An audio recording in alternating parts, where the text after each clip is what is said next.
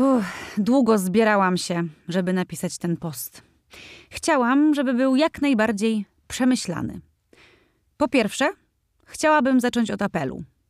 Jeśli jesteś rodzicem i nie odnajdujesz się w rodzicielstwie, to nie kłam swoim przyjaciołom, znajomym, gdy pytają, jak to jest mieć dziecko. To zwyczajnie nie fair. Bo utwierdzasz ich w przekonaniu, że posiadanie dziecka to coś cudownego, podczas gdy sam jesteś nieszczęśliwy. A oni słuchają, jakie to wspaniałe, bo jakoś nikt nie kwapi się, żeby powiedzieć prawdę i tragedia gotowa.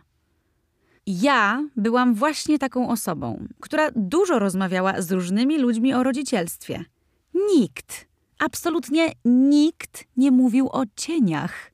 Usłyszałam wszystkie dyrdymały tego świata że uśmiech dziecka wynagradza, że dzieci płaczą, ale to da się wytrzymać, że pokazywanie świata im jest piękne, że małe dziecko dużo nie kosztuje, a potem to zawsze człowiek sobie jakoś poradzi, że poród da się przeżyć, bo przecież wszystkie rodzą i nic im nie jest, że w małżeństwie nic się nie zmienia po urodzeniu dziecka, że to dopełnia związek.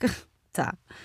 Chciałabym wszystkim tym, co mi tak mówili powiedzieć, żeby pocałowali mnie w dupę, i przestali wreszcie oszukiwać innych i siebie. A teraz do rzeczy. Mam jedno dziecko i żałuję każdego dnia od 15 lat. Tak na szybko. E, uśmiech dziecka jest fajny, ale nie wynagradza niczego. Małe dzieci wyją, a nie płaczą, i to po kilka godzin, a ty dostajesz kurwicy, bo nie wiesz o co im chodzi. Dziecko kosztuje dużo. Zwłaszcza gdy jest chorowite. Jeśli nie masz zaplecza finansowego, nie pakuj się w to. I nie wierz w bzdury typu, że ktoś obiecał ci, że pomoże. Zazwyczaj takie osoby ulatniają się, jak urodzisz. Jeśli masz fajnego partnera, to spoko. Pomoże ci ogarnąć ten bajzel i może będzie lżej. Ale jeśli wybrałaś źle, to dowiesz się o tym po urodzeniu dziecka. o ile nie wiedziałaś tego już po ślubie. A, zapomniałabym. Poród boli jak cholera. I nie, nie zapominasz tego. Mówią, że potem z dziećmi jest łatwiej, jak pójdą do szkoły. Mm, nie dostrzegam tego łatwiej. Pojawiają się nowe problemy. Dziecko więcej kosztuje. Stresujesz się, czy aby nie wpadnie w złe towarzystwo i nie zacznie ćpać, chlać i nie wiadomo co jeszcze.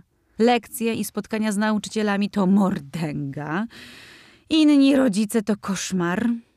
Wiecie, o czym marzymy z mężem, jak się zaczyna weekend? Żeby się skończył.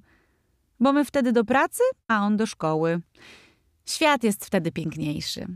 Ale to i tak niczego nie zmienia. Natomiast każdy rodzic potrzebuje oddechu. Wakacje? Szczerze? To wakacje z nastolatkiem? To nic przyjemnego.